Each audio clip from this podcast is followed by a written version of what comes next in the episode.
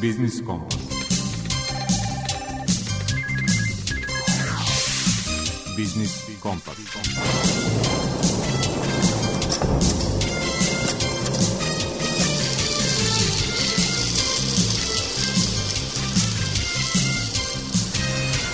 Pred mikrofonom je Đuro Vukilić. Dobar dan poštovani slušalci. Ponovo smo utorkom popodne zajedno uz Biznis Kompas i evo ukratko sadržaja današnje emisije. Srbija je ovih dana počasni gost šestog kineskog međunarodnog sajma uvoza u Šangaju. Tim povodom u rubrici aktualno koleginica Branka Dragović-Savić govori o ekonomskim odnosima Srbije i Narodne republike Kine. Gost autor rubrike iz mog ugla je stručnjak za energetiku profesor dr. Petar Stanojević. Analizirat će sadašnjost energetike kod nas i u svetu i pokušat će da proceni šta nas čeka u budućnosti. U svetu preduzetništva rukovodilac projekata u regionalnoj razvojnoj agenciji Bačka Marija Prokopić najavljuje konkurse namenjene nezaposlenima i preduzetnicima zainteresovanim za oblast poslovanja sa bankama. U rubrici Predmet financije Jelena Popović iz Narodne banke Srbije objašnjava razliku između hipotekarnih i ostalih kredita kao i proceduru aktiviranja hipoteke. Mnogi konditorski proizvodi se prodaju i na pijačnim tezgama.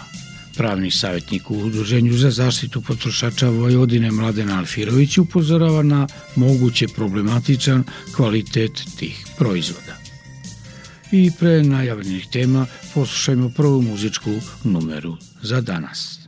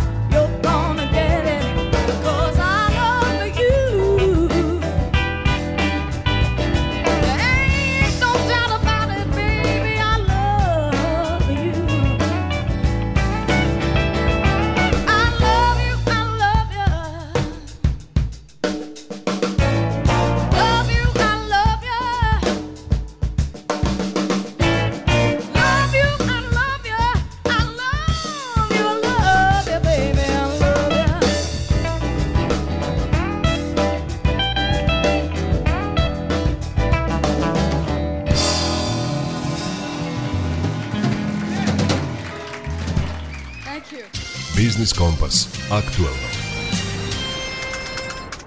Robna razmjena između Srbije i Kine za poslednje četiri godine porasla je za 2,7 puta, a izvoz Srbije u Kinu čak 12,7 puta. U istom periodu Kina je izbila na prvo mesto među investitorima u Srbiji, što je postaklo razvoj domaće ekonomije. Istakla je premijer Kana Brnabić na otvaranju šestog kineskog međunarodnog sajma uvoza u Šangaju. Na sajmu je otvoren i paviljon Srbije, koja prvi put u Šangaju nastupa kao počasni gost. Više o tome Branka Dragović-Savić.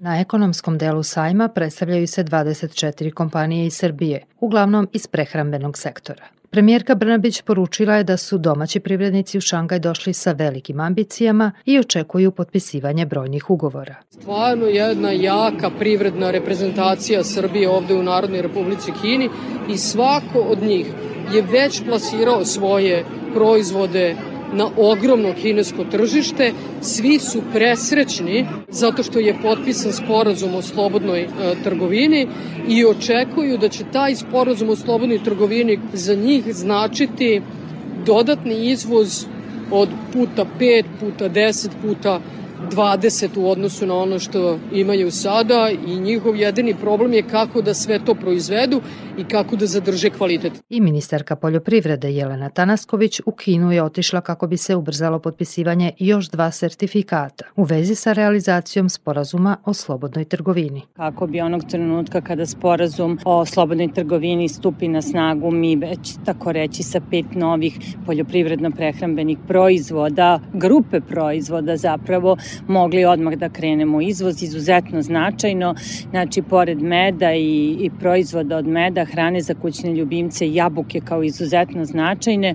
Svakako ono što je jako bitno i značajno za naš izvoz jeste pileće meso i proizvodi od mesa, naravno i suva šljiva. Ministar turizma i omladine Husein Memić razgovarao je u Šangaju sa četiri najveća turooperatora i izrazio očekivanje da će broj kineskih turista do kraja godine premašiti rekord koji je ostvaren 2019. Mi do osmog meseca imamo broj noćenja kineskih turista veći u odnosu na 2019. koja je bila rekordna, negde za 10% veći broj. Moramo tu neku šanoliku ponudu da njima predstavimo kako bi uspeli da taj trend koji je bio u, od 2019. godine pa na ovamo da on bude uzlaznom putanjom. Ekonomski sporazumi sa Kinom i saradnja kroz kinesku inicijativu Pojas i put danas su ipak u velikoj meri uslovljeni geopolitičkim dešavanjima, ukazuje u izjavi za Novi Sad profesor na Beogradskom ekonomskom fakultetu Predrag Bijelić. Srbija učestvuje u tom projektu Pojas i put, koji je u stvari jedan okrivni sporazum gde je Kina izdvojila velika sredstva da, za podršku investicionim projektima onim zemljama koji su njoj od interesa, a interes je sledeći da kineska roba s tim putem da unapredi transport svoje robe i železnički transport i drumski i pomorski, ali se situacija polako zaoštrava, posebno sa odpočinjanjem rata u Ukrajini. Mi se polako kao da se vraćamo u neku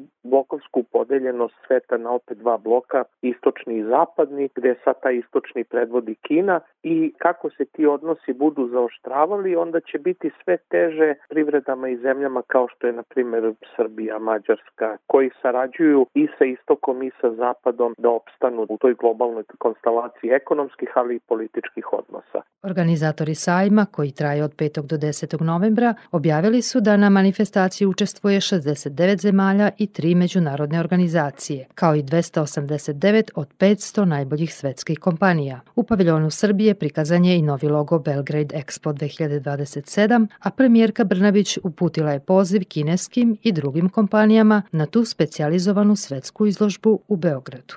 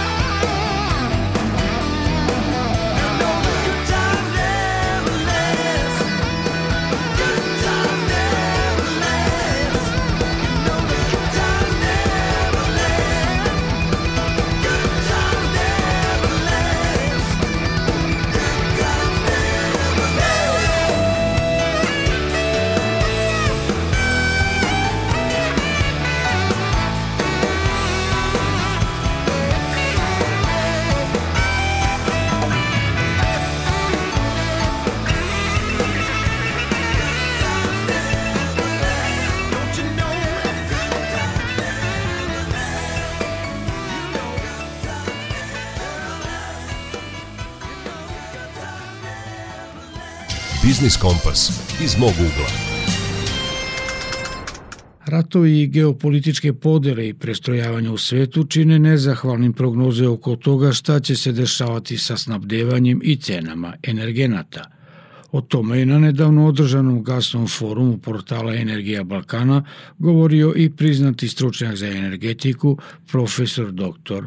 Petar Stanojević. Od pojave COVID-a pa nadalje došlo je do suštinskih promjena u energetici i došlo je do toga da su se na neki prirodni tok nadogradile veštačke barijere tipa sankcija, tipa visokih cena koji su pratile to sve, a zatim su visoke cene izazvale strah od nestašica, pa su ljudi počeli da se brane od nestašica, tako da svi brojevi danas koji postoje i svako ko se bavi nekim većim prognozama praktično zasniva sve te svoje stavove na nekim brojima koji su od neke 2020. godine jako nepogodni.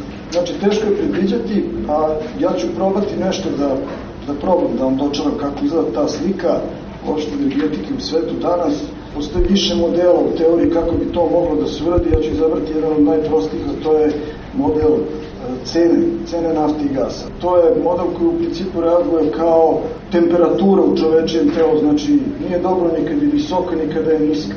Znači u principu sve se na kraju očituje na ceni energenata. Nekoliko faktora utiče na, na cenu energenata, to su prvenstveno geopolitika, makroekonomska situacija, ponuda i potražnja, kurs dolara i stanje na finansijskim tržištima. Kada počnemo sa ovim geopolitikom koja je sada počela na neki način da bila dominantna, imamo dva rata u toku, jedan u Ukrajini je relativno Englezi kažu confined, da uspeli su nekako da ga zadrže, da se dalje ne širi, ali je za posledice imao napad na tri cevovoda. Imao je napad na severni tok, imao je napad na gasovod između Finske i Estonije i ono što se manje spominje to je napad na amonijakovod koji se nalazi u Ukrajini i koji je direktno takođe povezan sa situacijom sa prodajom i sa uopšte potrošnjom gasa.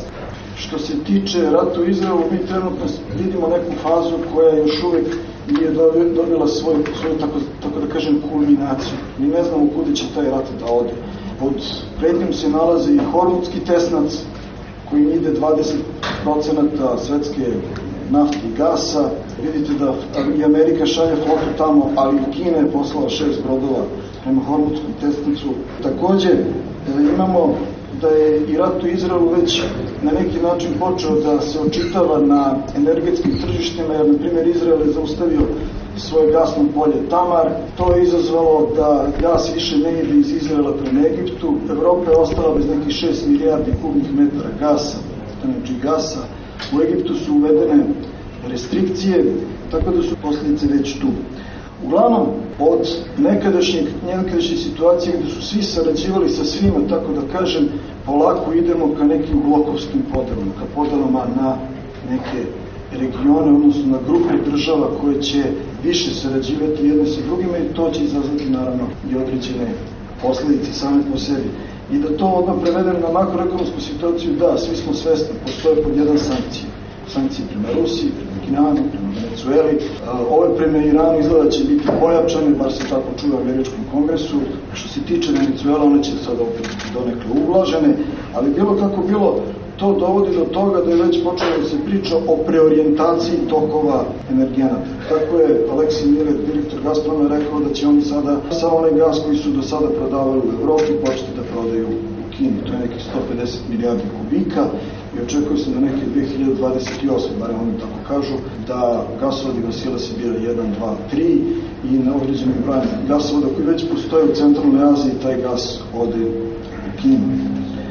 E, što se tiče ponude i potražnje, čujete kako su gasne skladište u Evropi puna, ali isto tako treba imati u vidu da je potrošnja gasa u Evropi prošle godine pala za neki 50 milijardi kubnih metara, to je neki 12 procenata, ove godine pao za dodatnih 26 milijardi kubnih metara, znači sa teškoćama da se to ozbiljno vrati u dogledno vreme.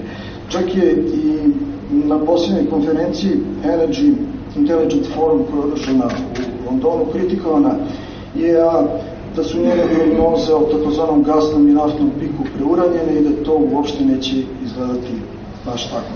Na sve to zatvorano je polje Groningen, a ukoliko zima bude hladna, Evropska unija predviđa da, će, da ćemo imati čak i manjak gasa. Što se tiče kursa dolara, s jedne strane imamo e, američki Fed koji uporno brani kurs dolara, odnosno snagu dolara i time na neki način poskupljuje sve moguće energente. I s druge strane imamo BRICS koji sada radi sve da bi se na neki način došlo do dedolarizacije. Na stanje na finansijskim tržištima kao neki poslednji faktor, u principu veliki je problem kada kažete da ćete do 2050. godine da se ratosirate fosilnih izvora. Problem je kod investitora. Zašto da investiram u nešto što će već 2050. godine biti, tako da kažem, zabranjeno, odbačeno, odnosno na neki način eliminisano. I samim tim imamo problem koji se već javio u Engleskoj, a to je da se polako odustaje od projekata vetrogeneracije, što verovatno će imati posledice na proizvodnju električne energije, odnosno na planove o realizaciji zelene agende kao tako.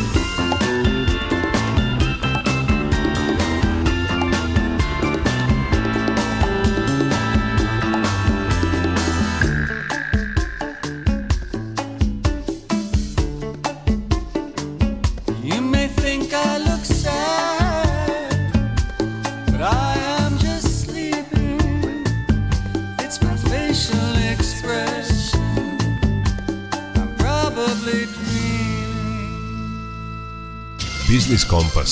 Svet preduzetništva. Regionalna razvojna agencija Bačka će krajem ovog meseca organizovati dve obuke za nezaposlene kao i za sadašnje i buduće preduzetnike. Upravo vreme kako bi dobili sertifikati koji su i uslov da dogodine konkurišu za novac po javnim pozivima gradova i opština, pokrajine i republike koji pod kojim uslovima može da se priključi ovim online konferencijama – govori rukovodilac projekata u regionalnoj razvojnoj agenciji Bačka, Marija Prokopić.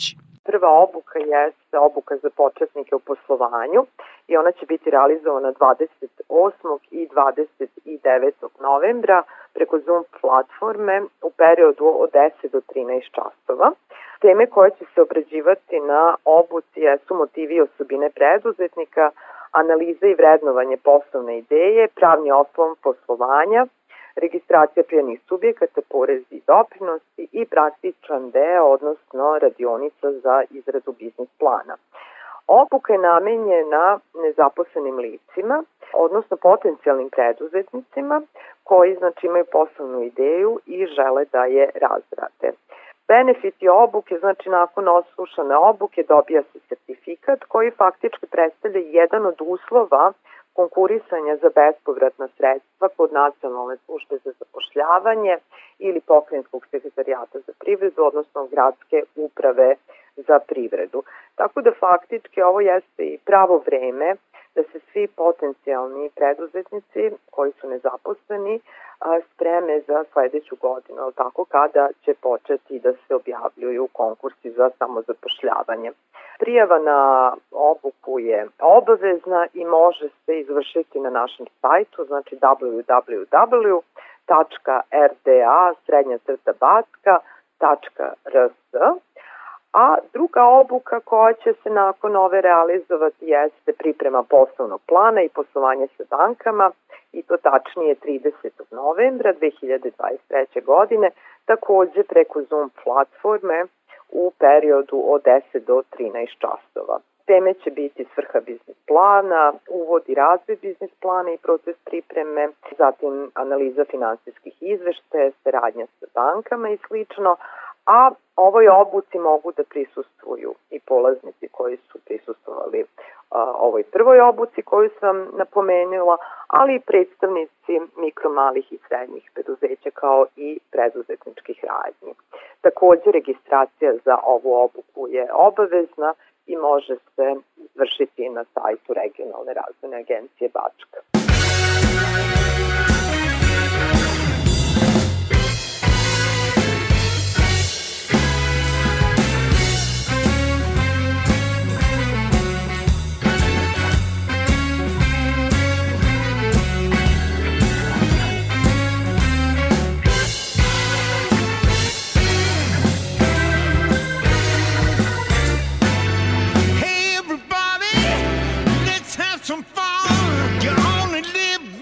When you're dead, you're done. Let the good time roll.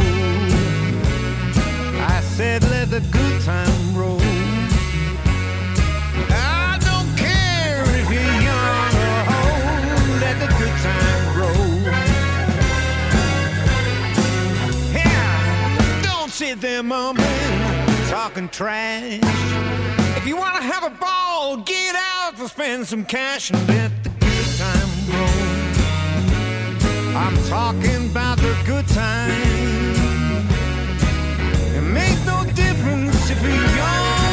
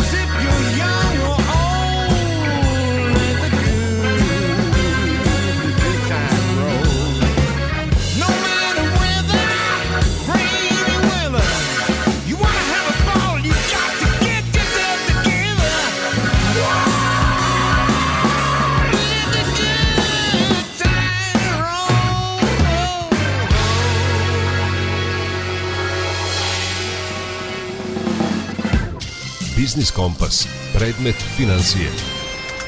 Razlika između hipotekarnih i ostalih kredita i zlu ne trebalo način na koji se aktivira hipoteka. Teme su današnje rubrike Predmet financije. Sa njima će vas upoznati Jelena Popović iz sektora za zaštitu korisnika finansijskih usluga u Narodnoj banci Srbije. Osnovna razlika između hipotekarnog kredita i nekih drugih kredita je što kod hipotekarnog kredita poverilac, to jest banka, na raspolaganju ima sredstva obezbeđenja, založno pravo na toj nepokretnosti i hipoteka je za banku samo dodatno sredstvo obezbeđenja, ali ne i ključni preduslov za odobravanje kredita. Ni najbolja hipoteka ne može da nadomesti kredibilitet i platnu sposobnost dužnika, bez čega kredit ni ne može banka da odobri. Dakle, ukoliko banka proceni da ste sposobni da od e, svojih redovnih primanja izmirujete obaveze blagovremeno u skladu sa ugovorom, ona će pored uspostavljene hipoteke ceniti tu vašu platežnu sposobnost i na osnovu toga odobriti kredit. Pošto su hipotekarni krediti po pravilu dugoročni, samim tim za vreme njihovog trajanja može doći do oštećenja ili na neki drugi način do smanjenja vrednosti nepokretnosti na kojoj je konstituisana hipoteka, banke vrlo često zahtevaju od hipotekarnih dužnika da osiguraju nepokretnost, ako tu imovinu, ali neretko i život dužnika, dakle kroz životno osiguranje, kod nekog od osiguravajućih društava i da polisu osiguranja vinkuliraju na banku. To znači ukoliko dođe do aktivacije polise, odnosno ukoliko dođe do štetnog događaja, osiguravajući društvo će umesto tog dužnika isplatiti celokupan iznos banci. U slučaju da dužnik ne izvršava svoje obaveze preuzete ugovorom, banka je ovlašćena da naplatu obezbeđenja kredita ostvaruje i sudskim putem. Prinudna naplata se sprovodi na dva načina u zavisnosti od toga da li je banci na ime obezbeđenja kredita pružena hipoteka na osnovu zaključenog sporazuma pred sudom ili pak takozvana ugovorna hipoteka na osnovu izjave saglasnosti dužnika. Iz cene koja se postigne na javnoj pogodbi banka se namiruje za iznos tvog potraživanja, a ukoliko posle njenog namirenja preostane neki iznos, on pripada dužniku ili drugim založnim poveriocima, odnosno drugim poveriocima ukoliko ih ima. Kad se izvršni poverilac, to je banka, opredeli za van sudski postupak namirenja svog potraživanja, tada se namirivanje sprovodi po pravilima propisanim odredbama zakona o hipoteci te je tako definisano da ako dužnik ne isplati dugo dospelosti, hipotekarni poverilac iz izvršne isprave poslaće opomenu u pismenoj formi istovremeno i dužniku i vlasniku predmeta hipoteke, ako su oni različita lica, čime se pokreće postupak van sudskog namirenja po ovom zakonu. Ukoliko u roku od 30 dana od dana prijema ove opomene dužnik ne isplati dug, poverilac će dužniku i vlasniku nepokretnosti i ostalim hipotekarnim poveriocima uputiti opomenu o prodaj nepokretnosti, a po isteku roka od 30 dana hipotekarni poverilac će poslati registru nepokretnosti zahtev da se izvrši zabeležba hipotekarne prodaje u njegovu korist.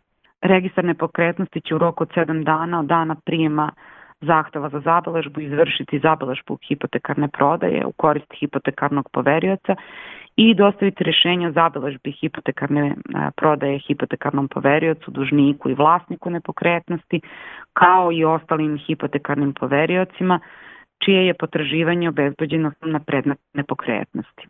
Zahtev za upis zabeležbe hipotekarne prodaje može podneti svaki hipotekarni poverilac bez obzira na red prvenstva.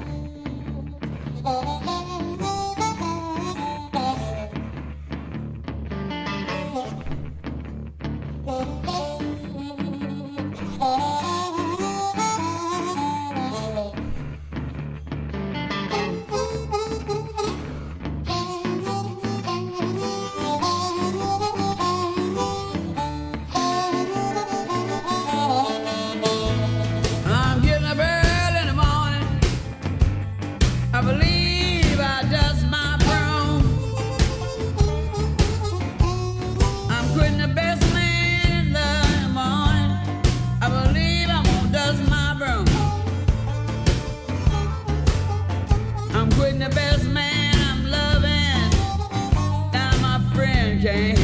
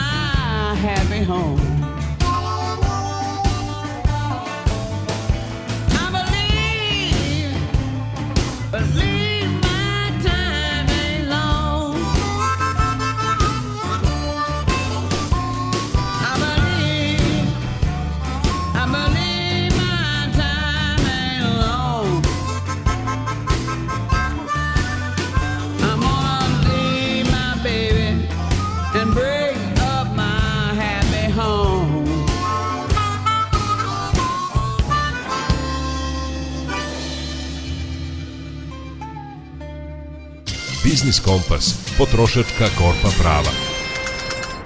Godinama je uobičajena praksa da se deo prehrambenih proizvoda, posebno konditorske industrije, nađe na pijačnim tezgama po nižim cenama. Iz potrošačkih organizacija, međutim, upozoravaju na problematičan kvalitet tih proizvoda zbog uslova čuvanja i prodaje. Više o tome pravni savjetnik u Udruženju za zaštitu potrošača Vojvodine Mladen Alfirović. Ako poredimo cene u posljednjih nekoliko meseci, vidjet ćemo da je razlika na pijacama i u prodavnicama e, sve veća, a pojedini potrošači tvrde da se na pijačnim tezgama gde se prodaju neki konditorski proizvodi iznosi gotovo duplo razliku u odnosu na a, one u prodavnicama. Jedna od najpopularnijih čokolada od 300 grama, dakle može da se nađe po nevjerovatnoj niskoj ceni od 280 dinara, dok ista ta u prodavnicama košta čak e, 520. Situacija nije mnogo drugačija ni sa ostalim konditorskim e, proizvodima gde su cene gotovo duplo niže. Prodavnice su davno postale na neki način luksus za mnoge potrošače i sve ređe ih posećuju, dakle možda kupe neku sitnicu, a što se tiče tako nekih omiljenih konditorskih proizvoda i drugih proizvoda iz robe široke potrošnje, sve veća je zapravo posećenost pijacama i mestima na kojima ti proizvodi ne bi trebalo da se prodaju. Na tim tezgama generalno ne znamo koje je poreklo tih proizvoda, na koji način su skladišteni, da li su rokovi upotrebe pravilno navedeni i zapravo da li ta roba možda ima neka svojstva promenjena zbog samog načina skladištenja, transporta i izlaganja. Dakle, svakako bez obzira na, na to što potrošači se sve više okreću buvljim pijacama i, i tezgama za kupovinu određene hrane. Naš savjet je da koliko god je to moguće izbjegavaju s obzirom na to da, e, kao što smo rekli, ta roba često može biti sumnjivog kvaliteta, nepoznatog porekla i možete dovesti sebe u situaciju da, da rizikujete sobstveno zdravlje i bezbednost. Dakle, takođe ono što apelujemo kao potrošačka organizacija jeste da, da se nadležne inspekcije bolje uključe u aktivniji tržišni nadzor kako bi potrošači koji kupuju proizvode na, na pijacama bili apsolutno sigurni da, se tu, da su ti proizvodi bezbedni i zdravstveno ispravni. Dakle, još jednom pozivamo nadležne inspekcije, pre svega poljoprivrednu, veterinarsku i sanitarnu, da s obzirom na sve veću posećenost ovakvih mesta vrše strožije kontrole kako bi potrošači, dakle i ono što kupuju na, na pijacama, dakle onu robu koja bi redovno trebala tu da se nalazi na registrovanim e, tezgama i gde su prodavci poljoprivrednog gazdinstva moglo da se garantuje na neki način da je roba potpuno ispravna i bezbedna za konzumaciju i korišćenje. Come on, Dion. Here we go now. A one, a two, and a...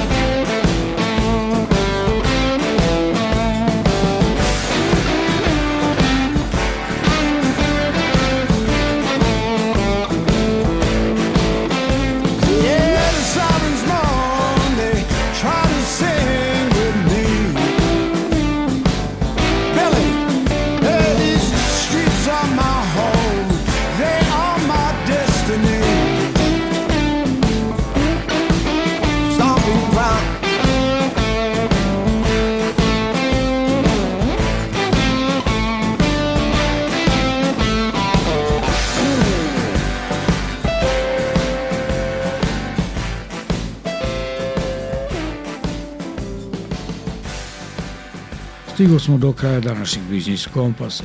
Poslušajte ga kao i prethodne na internet stranici Radio Televizije Vojvodine na podcastu Odloženo slušanje.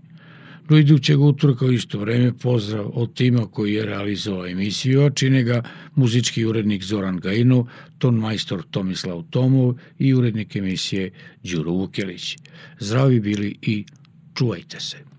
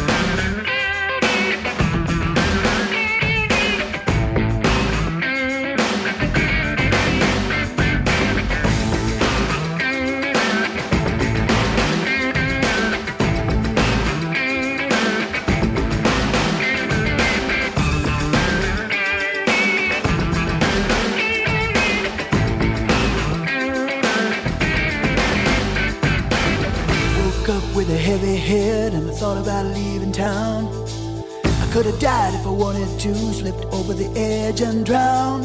But oh no, baby, I won't give up that easy, no.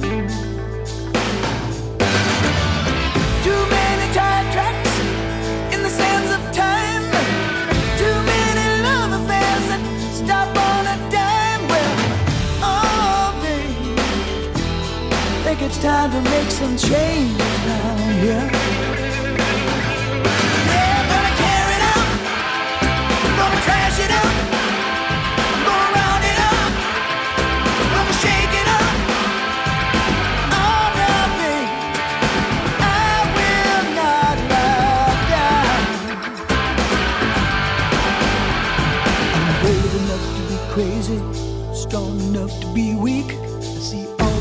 heroes with feet of clay whose mighty ships have sprung a leak. And I want you to tell me, darling, just what do you believe in now?